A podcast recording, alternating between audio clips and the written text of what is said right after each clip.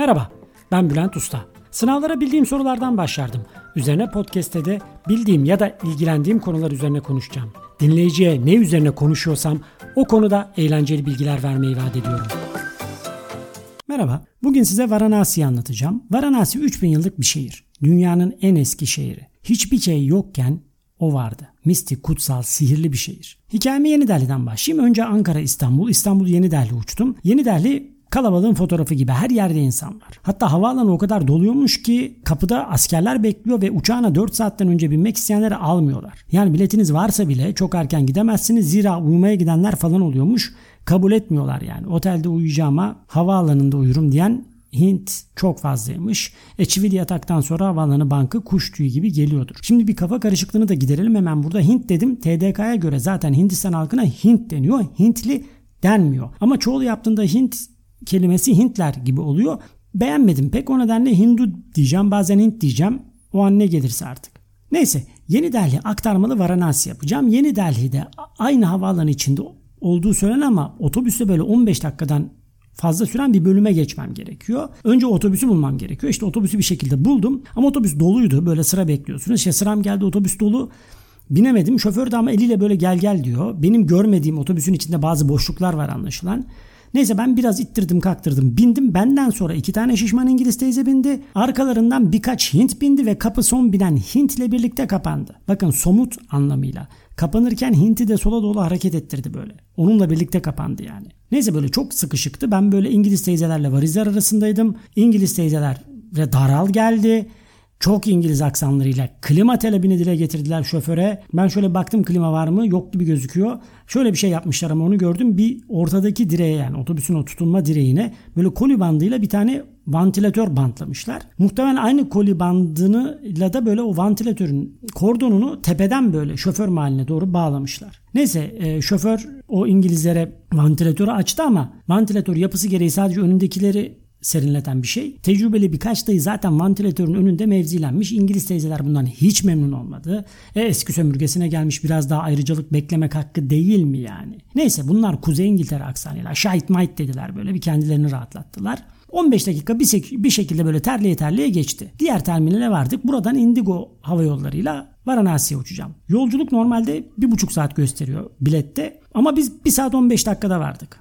Bu Indigo hava yolları böyle bir minibüsün havada gideni gibi. Yani şoför basıyor ve havadayken şoförün bastığını anlıyorsun böyle ivmeleniyor uçak. Neyse zaten uçak indikten sonra da kaptan övündü. İşte Varanasi Havalimanı'na indik. Normalde 15 dakika erken, normalden 15 dakika erken geldik. İşte Indigo havalarını seçin falan dedi. Şimdi Varanasi'ye gelelim. Varanasi çok acayip bir yer. Başta dediğim gibi dünyanın en eski şehri 3000 yıl önce vardı. Hiçbir din yokken Hinduizm vardı ve 2500 yıl önce Hindular Varanasi'ye hac için gidiyordu. Kısa bilgi evet Hinduizm bilinen en eski din. Şimdi Hinduizm'de kutsal bazı hayvanlar var. Başta inek, sonra boğa, maymun, fil, at, aslan, tavus kuşu, baykuş, karga, yılan, fare falan. Bunların hepsinin hikayeleri var. Şimdi bunlara girmeyeyim. Yani çok bildiğim şeyler de değil aslında ama tabii inceledim Hindistan'da bunları.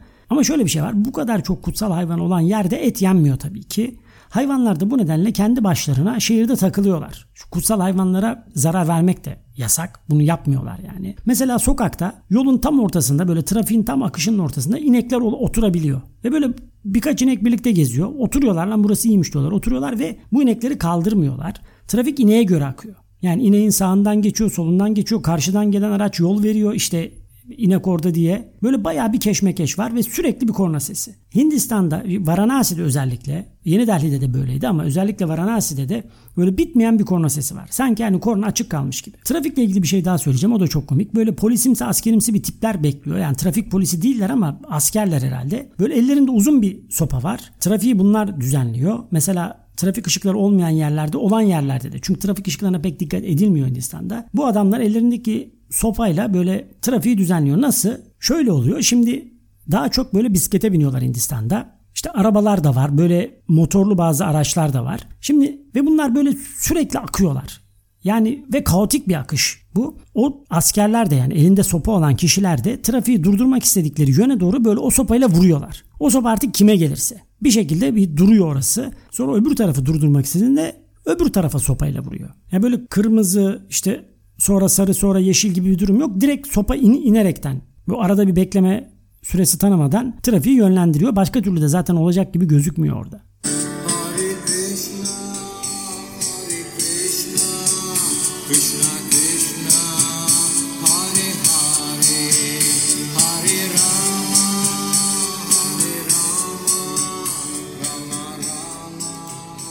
Şimdi bazı sokaklarda gezerken böyle bir ot kokusu hissedebiliyorsunuz. Yani bir duman ot kokusu hani marihuana kokusu gibi. Özellikle bazı yerlerde cidden çok fazla var. Artık mesela oralarda çok gezerseniz dumandan mı ortamın aurasından mı böyle kafanız güzelleşebiliyor. Şimdi Varanasi'de herkes böyle Hint fakiri. Yani en azından alım gücü olarak öyle olduğu hissediliyor. Yine de insanlar gülüyor ama. Bazılarını böyle gülünce de gerçekten ağızlarına böyle hani tam anlamıyla gülüyorlar. Dişlerini görüyorsun. Bazılarında diş var, bazılarında az var, bazılarında yok. Fakirlik eşit dağılınca diş de yaşa göre azalıyor gibi bir durum var. Ama çok güzel gülüyorlar. Dişlisi dişsiz. Her gün her yerde bir seremoniye rastlamanız mümkün. Bu seremoniler aracılığı ile böyle ruhani dünyaya mesaj yolladıklarına inanıyorlar. Bir çeşit dua etmek gibi. Seremonilerin hepsinde başrolde Ganj Nehri var. Çünkü burası böyle günahlarından arındıklarına inandıkları yer. Burada girip yıkanınca günahlarından arındıklarını düşünüyorlar. Suyunu içiyorlar, işte dediğim gibi yıkanıyorlar, ölülerinin küllerini bu nehre atıyorlar ve bazen direkt ölüleri bırakıyorlar. Şimdi size bir seremoni anlatayım. Ganga Aarti seremonisi. Böyle aynen yazıldığı gibi okudum çünkü because I don't know Hindu. Hindu is difficult. Bu Ganga Aarti seremonisi e, her akşam gün batımında başlıyor. Tanrı'nın verdiği ışığa bir teşekkür anlamı da bunun içerdiği söyleniyor. Ayrıca seremoni Ganj nehriyle de bir iletişim kuruyor. Kutsal Ganj'la bir iletişim kuruyor. Bu nedenle nehrin üzerinden izlemek daha faydalı. En azından görüntüleri çok daha görüyorsun çünkü nehre doğru yapılan bir seremoni. Yani karadan izlerseniz panditlerin bunlar panditler Hindu rahipler oluyor. Bunların arkası sizde de dönük oluyor. O yüzden ter- töreni izlemek zor. Yani yani önerim eğer giderseniz bu seremonileri nehir tarafından izlemeniz. Ben şanslı sayılırım zira töreni tam ortadan gören bir motordaydım. Önce herkesin eşlik ettiği bir ilahi söyleniyor. Sonra panditler ellerinde işte meşalelerle ortada toplanıyorlar. O meşalelerin ateşi nehre yapılan bir sunum aslında. Ve onlarla bir dans ediyorlar. Yani bir takım figürler yapıyorlar. Bir koreografi var orada. Ateşle dans gibi. Zaten o en sonunda o ateşi de Ganj'ın suyuyla söndürüyorlar. Bu tören bir saat falan sürüyor.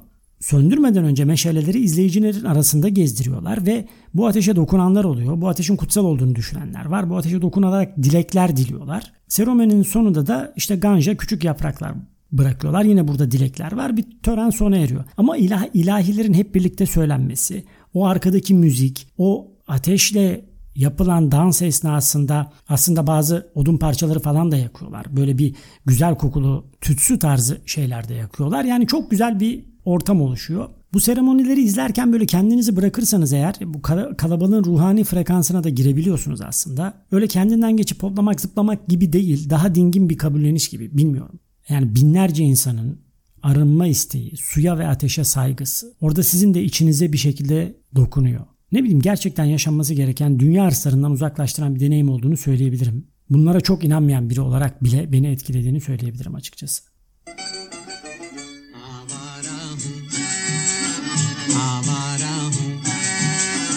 या गर्दिश में हूँ आसमान का तारा हूँ आवारा हूँ आवारा हूँ Şimdi Varanasi'nin ünlü bir diğer seremonisini anlatacağım size. Kremasyon yani ölü yakma törenleri. Varanasi'ye ölmek için gidilir. Hindular öldükten sonra ruhların yeniden hayata döndüğüne inanıyorlar. Aslında bundan hoşlanmıyorlar. Dünyaya tekrar gelmek aslında bir dert, bir çile böyle görüyorlar. Haklılar da. Zor iş yani yorucu. Şimdi kromozomlar ayrılacak, doğacaksın. Kim bilir nerede doğacaksın? At mı olacaksın, sinek mi olacaksın, at sineği mi olacaksın? Hadi insan oldun, kim olacaksın? Nerede doğdun? Afganistan'da bir sığınakta mı? Amerika'nın demokrasi götürmek istediği petrol zengini bir ülkede mi doğdun? Coğrafya kaderdir. Ama doğuda biraz da kederdir. O nedenle Hindular Nirvana'ya ermek istiyorlar. Varanasi'de ölen yeniden hayata gelme derdinden kurtulup Nirvana'ya ulaşacağına yani Tanrı ile bir olacağına inanıyor aslında. Buna da moksha deniyor. Sanskritçe özgürlük manasına geliyor. Ölüm ve yeniden doğum bu, bunu bir çember olarak görüyorlar ve bu çemberden kurtuluş ruhun özgürleşmesi olarak görüyorlar. Burada ölmeye gelenler için moksha evleri var. Cüzi bir paraya moksha evlerinde ölümü bekleyebiliyorlar. Ceset yakılmadan önce ölen kişinin oğlu, oğlu yoksa aileden biri saçlarını böyle kazıtıyor, beyaz elbiseler giyiyor ve törenin başkanı oluyor. Ceset de beyaz kefene sarılıyor. Böylece nehrin kenarında yakılacağı yere getiriliyor. Yoldan böyle o kefenle geçiyor. Yani görüyorsunuz cesedi. Bir cesedin yakılması için en önemli şey odun ateşi. Aklıma espriler geliyor ama yapmayacağım. Varanasi'ye ölmeye gelen kimileri böyle odun parası dileniyor. Ya da direkt odun istiyorlar. Çünkü yakılacak kişi kendi odununu getirmeli. Odun da öyle 300-400 kilogram kuru odun olması gerekiyor. Yani iki tane kuru dalla yandığı kadar diye Türk style gidemiyorsun. Ceset yakılmadan önce böyle çeşitli yağlar ve kokular da sürülüyor. En sonunda rahiplerden alınan kutsal ateşle yakılıyor. Yani aslında kefen parası yetmiyor. Odunu var, ateşi var. Herkes cehenneme kendi ateşiyle gider. Lafının mecazi değil somut anlamlısı gibi bir durum yani. Cesedin tam yanması gerekiyor. O nedenle çok oduna ihtiyaç var. Cesedin kafatasının da patlaması gerekiyormuş. Bu seremoniyi bana oradaki bir pandit anlattı. Anlatırken böyle explode dedi. Ya sonra nasıl explode dedim ya. Explode orada orada duramazsın dedim. Konuyu değiştim. Meğerse kafatasının çatlaması gerekiyormuş. Tok diye böyle bir ses çıkar dedi. O olmazsa ölünün öbür dünyada acı çekeceğini düşünüyorlarmış. Yani tok kafa sesi gerekiyor. Varanasi'de anlamlandıramadığım bir dolu şey de oldu. Mesela bir dükkan gördüm sadece iki ürün satıyor. Yumurta ve kola. Başka hiçbir şey yok. Bir Hint fakiri gördüm bir sokakta oturuyor. Tam kafasının üstünde böyle bir reklam vardı. Vodafone'un 4G reklamı. Tam mesajlık hani Instagram fotoğrafı gibi. Ama çekmedim. Baktım adama o da bana baktı. Gülümsedi ben de gülümsedim. Öyle bakıştık sonra ben gittim. Biraz ileride bir maymun yerde böyle o ölü hayvanlardan kalan bir şeyleri yiyordu. Zaten çok pis yerlerde böyle maymunları daha çok görüyorsunuz. Sürekli çöpleri karıştırıyorlar. Sanki leş yemeye alışmışlar gibi bir durum var. Varanasi'de dördüncü günümde bir yerde clean water diye bir yazı gördüm. Sadece bu yazıyor. Clean water. Lan orası hamam mı sucu mu belli değil. Daha da belli olmayan ben dört gündür ne içip neyle yıkandım. Varanasi aurası farklı bir şehir. Yaşamın ruhani kısmını merak eden, oralara dokunmak isteyen ya da çakrasını açmak isteyen herkesin görmesi gereken bir şehir bence. Nirvana'ya ulaşmak, ruhun serbest kalması amaç bu. Yeniden dünyaya gelmemek için ölmeye gidilen yer. Varanasi'de ölüm eğer şanslıysanız one way ticket gibi bir şey yani.